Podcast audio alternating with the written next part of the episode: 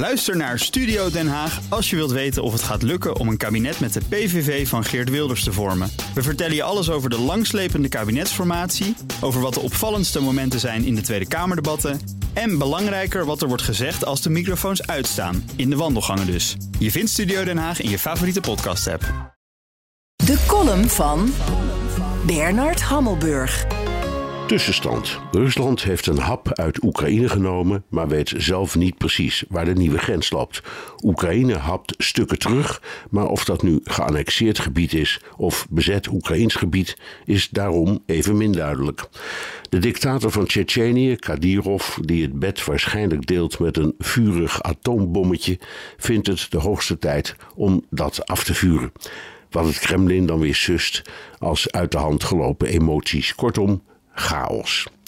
Het goede nieuws is dat de kans op wat velen vrezen een nucleaire oorlog minimaal is, al heeft Poetin het woord kernwapens vaak in de mond. Maar wat zijn woordvoerder Dmitri Peskov zei, snijdt hout. Wij verkiezen evenwichtige, objectieve analyses boven emoties, zei hij, verwijzend naar de barse dreigementen van Kadyrov. De Russische doctrine luidt dat het land alleen kernwapens gebruikt als het ermee wordt aangevallen, of als in een oorlog alle conventionele wapens zijn uitgeschakeld.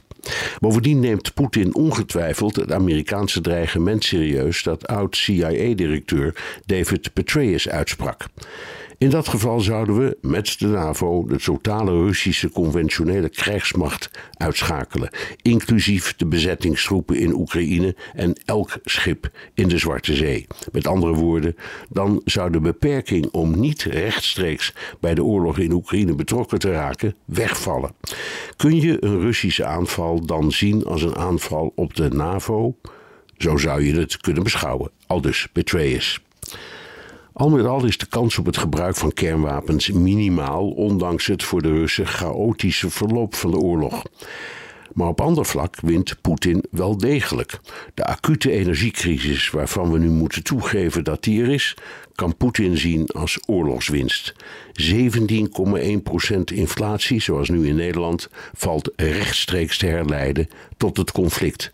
Natuurlijk, Rusland heeft met 14,3% ook een hoge inflatie, maar die daalt een beetje. En de Russen hoeven zich geen zorgen te maken over de energievoorziening van hun industrie en de kachels van de burgers. Wie zit er straks klappertandend met het licht uit naast een koude radiator? Anders gezegd, wie is de winnaar en wie verliest? Ook Hugo Reitsma vind je in de BNR-app. Superhandig die BNR-app. Je kunt alle programma's live luisteren, breaking nieuwsmeldingen. Je blijft op de hoogte van het laatste zakelijke nieuws. En je vindt er alle BNR-podcasts, waaronder natuurlijk de belangrijkste, Boeken zijn in de wijk. Download nu de gratis BNR-app en blijf scherp.